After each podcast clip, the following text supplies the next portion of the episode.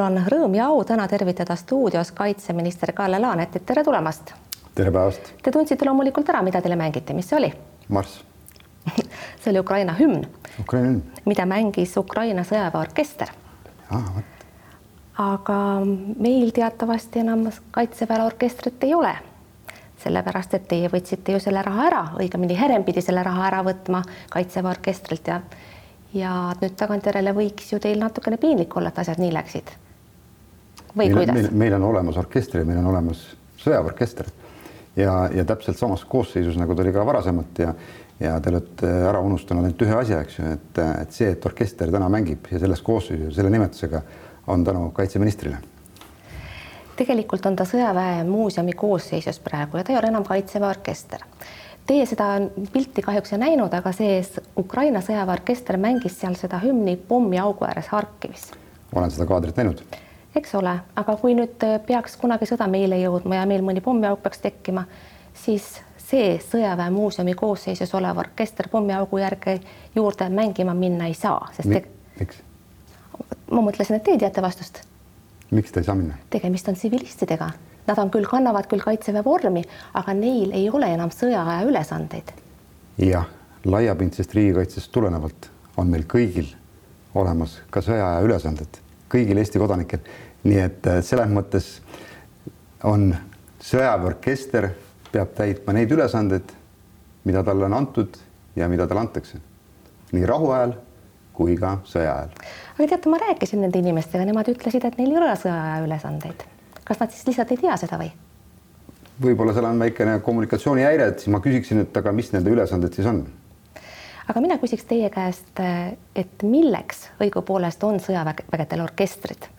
ja ma vastan teile, pakun teile oma vastuse variandi välja. minu meelest oli selle orkestri ja näiteks sellesama Ukraina sõjaväeorkestri eesmärk ikkagi tõsta võitlusvõimet, moraali ja kui te vaatate näiteks sedasama Ukraina kaitseväe kontot Twitteris, siis te näete, kui palju nad jagavad oma sõjaväeorkestri videosid ja väga paljusid teisi laule, ehk siis see on võitlusvõime tõstmise oluline osa, millest meie oleme nüüd ilma jäänud tänu teile. vaadake, nii palju, kui on Kaitseministeeriumis läbi viidud uuringud kaitsetahte tõstmiseks, võitlusvõime tõstmiseks ja üheski vastuses ei ole kirjas olnud, et sõjaväeorkester või kaitseväeorkester on vajalik selleks, et Eesti kaitsetahet tõsta. seal ei olnud neid vastuseid.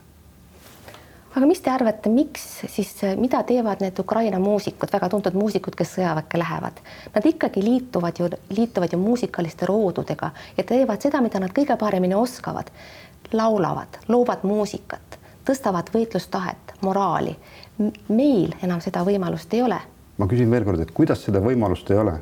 need inimesed on olemas, nendel on olemas pillid, neil on olemas palk, need on olemas. palgast on neil pool järel.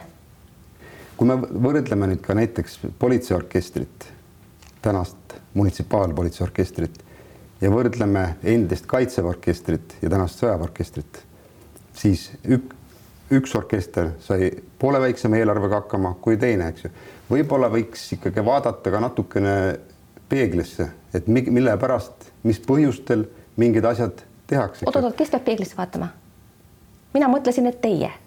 Mina, mina, mina, mina vaatasin, mina vaatasin peeglisse ja tegin otsuse, et orkester jääb. kuigi esialgse plaaniga oli plaanis, et seda orkestrit enam ei jää. Ja tegin otsuse, et see läheb kaitseministeeriumi valitsemisala sõjamuuseumi koosseisu ehk sõjaväeorkestriks ja, ja kõige huvitavam selle asja juures on see, et, et, et see on nagu täiesti ära unustatud, eks ju, millise otsuse järgi ja kelle otsuse järgi täna on nendel inimestel võimalik anda vormi ja olla sõjaväeorkestri koosseisus. see, see on ja, ja, ja seda ei ole kordagi kusagil pool räägitud, heidetakse ette, et nagu ma oleksin midagi ära kaotanud. ei, ma ei ole midagi ära kaotanud, lihtsalt see orkester liikus ühest alluvusest teise. Need inimesed jäid poole palga peale, neil on palju vähem tegemist, kui pra-, kui neil enne oli ja nad on tsivilistid, neil puuduvad sõjaaja ülesanded. pealegi te ütlesite, et kaitsetahtel ei ole laulmisega ja muusikaga mingit seost, aga mis te arvate, mis on sellesama Ukraina kaitseväe Twitteri konto esile tõstetud postitus? ma olen sellega päri absoluutselt, et traditsioonidel on oma roll, on eestvedajatel oma roll ja, ja see peale selle video, millest me, te räägite praegu, eks ju, ei ole ma küll näinud mitte ühtegi rohkemat videot ja ma, ma nägin seda videot, et tõesti, see on üks osa sellest, et moraali üleval hoida, kuid rohkemaid videoid ei ole või olete näinud? kusagil pool on veel. kas te olete, kas te tõesti ei mõista, et laulmisel ja muusikal on kaitsetahte ka väga oluline relevantne seos, otseseos seesama, sellesama kaitseväe, Ukraina kaitseväe esile tõstetud postitis on seesama punane lodjapuu, mida tänapäeval kõik teavad ja seda laulab Ukraina laulja, kes läks, kes läks siis otse Kiievit kaitsma. see ei ole juhus, et just see on esile tõstetud. ma olen sellega absoluutselt mida päri, meie esile tõstame? et liidrid, ka laulud ja need inimesed, kes oskavad hästi laulda ja muusikat teha, on kindlasti motiveeriv, ma olen sellega absoluutselt päri ja te ei saa mulle ette heita, et mina oleksin midagi ära kaotanud, ma ei ole midagi ära kaotanud.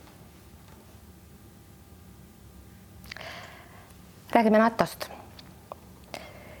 kui äh, pinged Ukraina piiril olid juba väga suured ja sõja alguseni oli neli päeva aega, USA oli hoiatanud juba korduvalt, et konflikt võib puhkeda, siis ütlesite teie, et kui Venemaa on oma eesmärgid Ukrainas saavutanud siis järgmine loogiline sihtmärk on Balti riigid. tol korral kargasid teile kõik raesse ja ütlesid ka siis Laanet ei tea, et me oleme NATO-s. Äh, olete oma sõnu kahetsenud, ma märkasin, et pärast seda te tõmbasite tooni hulga vaiksemaks. ei, midagi ei ole kahetseda, sest riskid, et Venemaa võib rünnata Eestit ja teisi Balti riike ei ole ju kuhugi kadunud, eks ju. eks sellest tulenevalt on ju ka meil väga tõsine NATO suunaline tegevus, et NATO tugevdaks just nimelt oma idatiiba ehk äh, Eesti, Läti, Leedu, Poola suunda.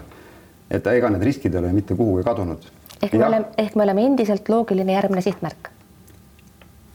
kui me vaatame Putini pähe ja näeme seal vastuseid, siis me oleme väga tublid selgeltnägijad, aga see risk, et me võime olla, on ju olemas, kui me vaatame kõiki tema eelnevaid käike, tema eelnevaid otsuseid. Äh, Georgia, kaks tuhat neliteist Ukraina, tänased Ukraina sündmused, sõda seal, siis äh, ta on ju ka varasemalt väga selgelt öelnud, et, äh, et tema tahab Vene impeeriumit laiendada. kuhu suunas ta ikka laiendab? kas valitsuses on veel inimesi, kes ei saa aru, et äh, sõjad, sõda võib jõuda ka siia? ma arvan, et valitsuses on, saavad kõik aru, et, et need riskid on olemas, et ja selle nimel me igapäevaselt teeme tööd, et neid riske maandada hiljuti tegi NATO ettepanekud Eesti kaitsevõime tugevdamiseks ja peaminister Kaja Kallas ütles, et need ei ole rahuldavad, need on ebapiisavad. milles siis nüüd asi on, kas eh, NATO ei saa aru, et meie oleme mõnevõrra suuremas ohus kui näiteks Lissabon, millel on Venemaa piiri nii palju rohkem maad kui meil?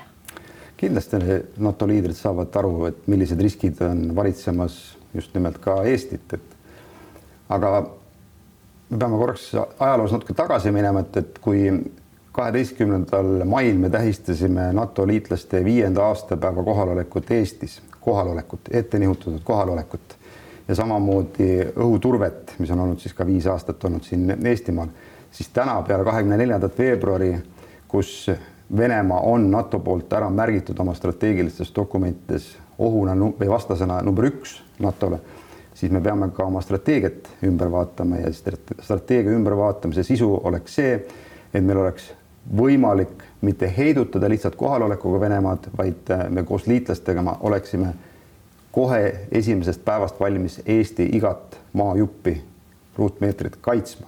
mida NATO pakkus ja mis Kaja Kallase hinnangul ei ole piisav, millest täpselt räägitakse ütleme niimoodi, et kui me läheme detailidesse, siis äh, detailidest me siin ei saa rääkida, sest aga äh, printsiibist saate? printsiibist ma räägin, kohe räägin. et meie nägemus on see, et Eestis Eesti kaitsmiseks olemas väga reaalne plaan, mis on täidetud vägedega ja see vägede suurus oleks põhimõtteliselt diviisi suurune üksus. see tähendaks seda, et meil oleks diviisi suuruse üksuse juhtimisvõimekus Eestis olemas. see tähendab seda, et meil on omal olemas kaks brigaadi koheselt reageerimiseks ja üks peaks olema lisaks liitlaste brigaad. et see on see väga. aga Stoltenberg ei taha need anda? ei, Stoltenberg on täiesti nõus sellega, aga me saame aru ka sellest, et, et meil on erinevatel riikidel, meie liitlastel on teatud suurusega väed ja, ja see kõik maksab ja me peamegi läbi arutama, kuidas meil oleks võimalik tõesti neid plaane ellu viia selliselt, et, et kõik riigid tagaksid oma julgeoleku ja seal, kus on riskid kõrgemad, sinna panustaksid rohkem. et see kõik on täiesti loomulik ja loogiline arutelu käik. Te kindlasti teate seda anekdooti, et Ukrainas kestab Venemaa ja NATO vaheline konflikt, aga NATO pole sellesse miskipärast veel sekkunud.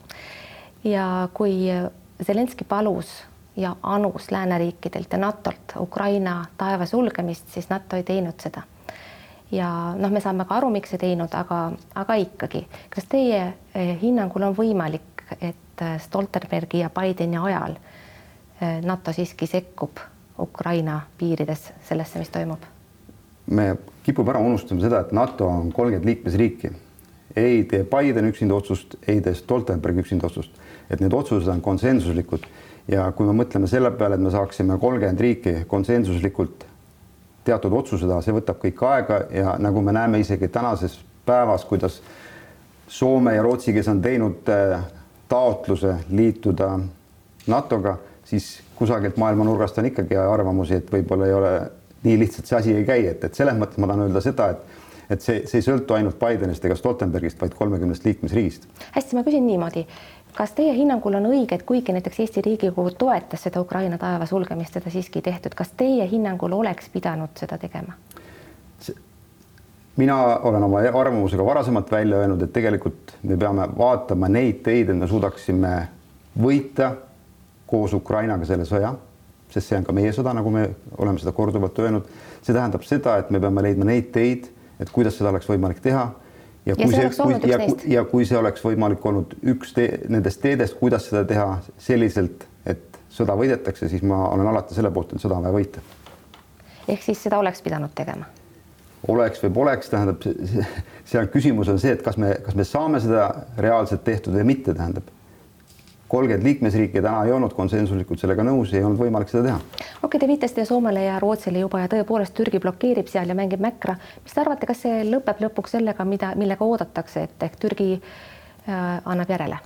mina usun, et seal leitakse kompromiss, et see arutatakse läbi, see ütleme, olukord on väga uudne ja, ja ütleme, see arutelu on väga kuumanud nendel esimestel päevadel, aga, aga ma olen küll seda meelt, et seal leitakse kompromiss Soome Rootsi on ise väga mures selle üleminekuperioodi pärast, kui nad veel NATO-sse otseselt ei kuulu, aga on juba taotlusi esitanud ja päris mitu julgeolekueksperti on viidanud, see võiks olla habras aeg ka meie jaoks.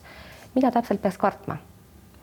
eks karta saab sedasama asja, mida on kogu aeg kardetud, et, et Venemaa võib teha mingeid eh, üllatusrünnakuid meie suunal ka ja, ja Soome-Rootsi suunal, et, et kas tegemist on küberründega või on see tegemist mingi hübriidründega. nii et, et eks me ju igapäevaselt väga pingsalt hindame seda olukorda, et, et olla võimalikeks üllatusteks valmis. räägime keskmaa õhutõrjest, sellega on nüüd kokkuleppele jõudnud, et me peaksime selle saama aastaks kaks tuhat kakskümmend viis. sinna on maru palju aega, selle ajaga jõuab Venemaa korda saata kirjeldamatu hulga sigadusi, kas tõesti rutem ei saa? jah, kahjuks on see nii, et, et kõik, mis puudutavad kaitsesüsteeme, relvasüsteeme, nende, nende hankimine ei käi nii kiirelt, kui me loodaksime. sest noh, esiteks äh, ma nimetaksin neid äh, käsitööks kogu aeg ehk ingliskeelse muustusõnaga tailor-made üldjuhul, et need ei ole kusagil riiulil, et sa lähed poodi ja ostad, vaid neid hakatakse siis tegema ja ette valmistama, juhul kui on hange mingi firma poolt võidetud, kes neid toodab. nii et see ei ole ainult ka ainult selle relvasüsteemi ostmine, piltlikult öeldes ja tarnimine, see eeldab ka teatud infrastruktuuri ettevalmistamise, inimeste koolitamist, see kõik on tervik ja see võtab kahjuks äh, julgeolekus kole palju aega. räägime rahast ka. Herem on öelnud, et keskmaa õhutõrje maksab miljardi, aga Keskerakond, kes püüdis õhutõrje hankimist enda teemaks teha, on rääkinud kolmesaja viiekümnest miljonist. üks kahest eksib, suurusjärkude erinevus on liiga suur. mis summadest me päriselt räägime? noh, kumbki ei eksi tegelikult, sõltub sellest, mitu patareid sa soetad ja, ja kuna kindral Herem räägib sellest, et äh, suuremast hulgast patareidest, mida on Eesti tervikkaitsmiseks vaja. Karilaiule piisab vähemast. noh, kui me räägime Suur-Tallinna kaitsmisest, siis on, siis on ju see patareide hulk on tunduvalt väiksem, eks, et, et, et see on nüüd seesama teema, et kes millest räägib. kes selle siis ikkagi lõpuks kinni maksab? kui palju meie, kui palju NATO? täna on ikkagi see olukord, et, et eks see Eesti maksumaksja peab selle kõik kinni maksma räägime paar sõna ka laiapindsest riigikaitsest ehk siis sellest, mida vanasti nimetati tsiviilkaitseks ja mida meil tegelikult olemas ei ole, seda olete isegi teie avalikult tunnistanud. ma saan aru, et nüüd on siis vastupanuvõime suurendamisse antud ka lisaeelarves ette nähtud päris suured summad, päris suured miljonid. mis me selle eest siis saame, kas näiteks hakkame pommivarjendid ehitama või töötatakse välja sireenid, millega riik teatab mulle, et ma peaksin keldrisse minema, kui pommitatakse no see nüüd on tõesti küll äh, siseministri valitsemisala, millest me hakkame praegu arutama, aga loomulikult me võime sellest rääkida, et elanikkonnakaitse on siseministeeriumi vastutada tänasel päeval. Te olete aga... sel teemal sõna võtnud, sellepärast küsin teie käest. ja, ja ma olen valmis vastama et äh, mina tean, et, et e-, eelkõige tahab siseministeerium selgeks teha ja analüüsida, kui palju meil on üldse Eestimaal selliseid varjualusid, äh, mis saaks kasutada varjumise alusena, eks ju. et juhul, kui on teatud rünnakud Eesti suunas, et, et kus siis tõesti äh, inimesed saaksid minna varjesse, et nad ei saaks äh, kas erinevate plahvatuste tagajärjel mingite kildudega pihta või, või oleksid esimese kaitse all. Teine pool, mis puudutab äh, elanikkonna informeerimist, äh, ka seal ma saan aru, et, et on laual erinevad variandid, eks, et täna infotehnoloogia ajastul on ju loomulikult SMS-id, mida on võimalik saata, on räägitud ka häiresüsteemidest milline see lõplik otsus saab siseministeeriumil olema, ma jään seal praegusel hetkel vastuse võlgu, aga, aga, aga sellega tegeldakse, et tõesti elanikkonda eelkõige teavitada võimalikest ohtudest ja mida nad siis tegema peaksid. hästi, räägime Kaitseliidust. Teil on selle Kaitseliiduga vist pikemat aega juba mingi kana kitkuda, aga nüüd on siis käib jutt tugiteenuste konsolideerimisest, mis tegelikult tähendab teatavat Kaitseministeeriumi kontrolli Kaitseliidu üle, mis on seni olnud üsnagi iseseisev organisatsioon ja nagu ma olen asjadest aru saanud, siis Riho Ühtegile ja Kaitseliidule teie plaan üleüldsegi ei meeldi. milleks seda vaja on? no esiteks hakkame sellest pihta, et äh, laiapindne riigikaitse on kindlasti minu jaoks üks olulisemaid prioriteete. seesama vaba tahe, et inimesed vabast tahtest tulevad ja on valmis riigikaitsesse panustama see on meie üks olulisemaid eh, turvavaipasid. minu nägemus on olnud see, et, et, eh, et inimesed, kes kannavad vormi ja kes oskavad relva käes hoida, peaksid tegelemagi sellega, et nad õpetavad neid vabatahtlikke relva käsitsema ja relva hoidma ja Eesti riiki kaitsma. seda nad vist ju teevadki. aga nad ei pea tegelema, sisestama personali andmeid või tegema elektripilni soetamisega, las sellega tegelevad need, kes eh, ei pea vormi kandma ja vormikandjad saaksid tegeleda sellega, et välja õpetada ja anda edasi neid kogemusi ja teadmisi neile, kes tulevad sõjaaja ametikohtadele. see annab neile tunduvalt suurema võimaluse tegeleda sellega, millega oleks vaja tegeleda. aga miks Kaitseliidus arvatakse, et nüüd kaitseminister Laanet tahab Kaitseliidule käppa peale panna, enne oli kõik hästi, aga siis tuli Laanet ja hakkas seal surkima. miks neile niimoodi tundub? eks siin on natukene arusaamade erinevus, et Eesti riik annab väga selge sihtfinantseeringuga käesoleval aastal nelikümmend kuus miljonit eurot. me oleme kokku leppinud valitsuses, et me anname lisaks kolmkümmend miljonit neile inimestele, kes tulevad Kaitseliitu, uutele inimestele isikukaitsevarustuse soetamiseks, viis koma kaks miljonit nende koolitamiseks. Need on ääretult suured summad. see, see tähendab seda, et, et sisuliselt lähiaastatel koos laskemoona ja relvadega on see suurusjärgus sada miljonit eurot laske Kaitseliidule lisaks ja see, see raha peab minema väga selgelt Eesti riigi kaitsmiseks ühesõnaga Riho Ühtegi lihtsalt ei saa aru, et Kalle Laanet tahab talle ainult head. Riho Ühtegi saab väga hästi aru, aga, aga, aga, aga, aga, aga sinna, seal aga on. miks, aga miks olete siis pidanud lausa ultimatiivses ja sellises ülimalt käskivas kõneviisis vastama keskkogule, mis on Kaitseliidu kõrgem juhtorgan. Te olete neile öelnud, meenutanud, tungivalt meenutanud, et Kaitseliit ei ole keskvalitsusest täiesti sõltumatu, et keskkogul puudub otsustusõigus tugiteenuste reformimise asjus ja et Kaitseliidu keskkogul puudub vetoõigus valitsuse ja kaitseministri otsuste üle, see on nüüd tõeline jõu demonstratsioon. kui Riht, Riho Ühtegi saab asjadest aru, milleks teil on siis valmis? kust te selle tsitaadi võtsite? ühest uudisest. miks on siis teil tarvis niimoodi jalgu trampida? see see oli vastus ühele Riigikogu liikmele ühe eelnõu arutelu käigus. jah, aga miks on siis tarvis niimoodi jalgu trampida? kuidas ma jalgu trambin? see on väga ultimatiivne. kui ma selgitasin, kui ma selgitasin Riigikogu liikmele, kuidas toimub Kaitseministeeriumis, Eesti riigis erinevate oh. organisatsioonide juhtimine. okei okay,, et ühtegi te nii ei räägi, jah? riigieelarvest meie maksumaksjate raha eest toimiva organisatsiooni puhul okei okay,, nii et ühtegiga te saate äh, meil on hästi aru ja temaga te niimoodi ei räägi. kindral ühtegiga väga normaalne suhe. hästi, tahaks paar sõna rääkida ka lääneriikide suhtumisest Ukraina sõjasse, mis siis kuuldavasti vähemasti jällegi NATO hinnangul jääb pikemat aega venima, mis on kindlasti halb uudis ka meile. kuid ma järgin, jälgin pidevalt murega ja küsin ka siin saates päris paljudelt külalistelt seda, et kuidas suhtuda ikkagi lääneriikide, eelkõige Prantsusmaa ja Saksamaa liidrite soovisse survestada Ukrainat vähem või rohkem varjatult sõlmima nii-öelda halb rahu, et lõpuks saaks sõda, sõda mööda ja elu võiks edasi minna nii, nagu me seda tunneme. ehk siis ma pean silmas Macroni, ma pean silmas Scholzi, Macroni, Macroni väljaütlemisi ja ka Scholzi sellist alalhoidlikku hoiakut. kuidas seda hinnata, soovi, suurte lääneriikide soovi suruda Ukrainale peale see halb rahu? Eesti on olnud kogu aeg seisukohal, et teie väljend sellist halba rahu ei saa kindlasti olla et Ukraina peab äh, kindlalt selle sõja võitma ja taastama oma territoriaalse terviklikkuse. no aga mis on viga Macronil ja mis on viga Scholzil, et nemad sellest aru ei saa? ma, ma usun, et eks nad võib-olla saavad ikkagi sellest aru ka ja aga, aga ma kujutan ette, et eks neil see sisepoliitiline surve on ka ääretult tugev, sest sest me teame ju selgelt, et äh, nii Prantsusmaa vähem, aga kindlasti Saksamaa rohkem, milline sõltuvus on neil Venemaa energiakandjatest eks sellest tulenevalt on ka paljudel puhkudel nende teatud hoiakud, eks, aga minu arvates vähemalt nii palju, kui mina olen oma kolleegidega rääkinud, nii Saksa kaitseministri kui ka Prantsuse kaitseministriga, siis siis peale kahekümne neljandat veebruari on nad äh, väga selgelt aru saanud, et, et see, mida on Eesti rääkinud ja mida meie oleme rääkinud, on, ei ole olnud mingi russofoobia, vaid reaalne oht ja, ja nad on väljendanud seda, et see on nende jaoks olnud äratuskell ja silmade avanemine. noh, mida nad siis võib-olla jälle tahavad uuesti kinni vajutada, sest neid äratuskelli on kõlanud ju varemgi. Kaja Kallas on väga selgelt väljendanud, et tema meelest ei ole mõtet Putinile helistada, las istub seal üksi oma punkris ja tunneb, et on isoleeritud. samas Macron helistab, Niinistö helistab. mis teie arvate, kas peab helistama või ei pea? mina ei helistaks sellega on kõik öeldud. härra Laanet, suur tänu teile. lõpetuseks tahaksin huvi tunda muidugi selle vastu, kuidas on koalitsiooni tervis. Teil toimuvad seal lõputult mingisugused totrad etendused, mida on ausalt öeldes piinlik vaadata. eriti seda, mis viimati Riigikogus toimus, see oli ikka päris hirmus. miks koalitsioonipartnerid teil sellega üldse läbi ei saa?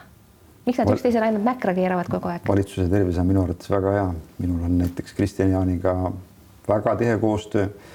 me oleme väga selgel seisukohal, et julgeolek on tervik minu vasakul käel valitsuse laua taga istub Jaak Aab, meil ei ole mitte mingit eriarusaama, nii et me valitsuse tervis on väga normaalne. Ometi Keskerakonna käitumine selles samas lastetoetuste küsimuses on tekitanud avalikkuses päris laia debatti ja päris paljud mõistavad seda Jüri Ratase soovi niimoodi jõuga läbi suruda ilma Reformierakonnaga rääkimata, see lastetoetuste suurendamise plaan. noh, nad mõistavad seda hukka ja teie, te ei ole küll Keskerakonnas enam kümme aastat, aga ometi te inimesi tunnete ja kiitsite ka praegu siin siis Keskerakonna ministrit, kellega te ühe laua taga istute. mis teil ikkagi häda on, mis seda Jüri Ratast aevab, mis vaevab tema südant, et ta niimoodi käitub? Ma arvan, et tema südamevaevuste kohta on kõige mõistlikum tema käest küsida, sest ega me ju inimeste sisse ei näe ja see on, need on kõik arvamused ju mis ei pea olema ja väga tihti on vääratud pärast jaanipäeva jääb valitsus ikka veel ametisse, kui kaua vastu peate valimisteni? kukute enne?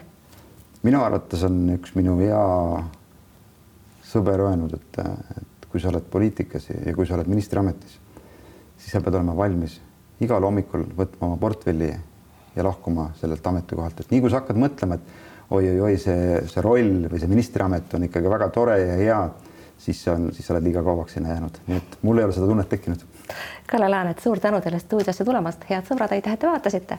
vaadake teinekord ikka jälle, elage vahepeal hästi, kuulmiseni ja nägemiseni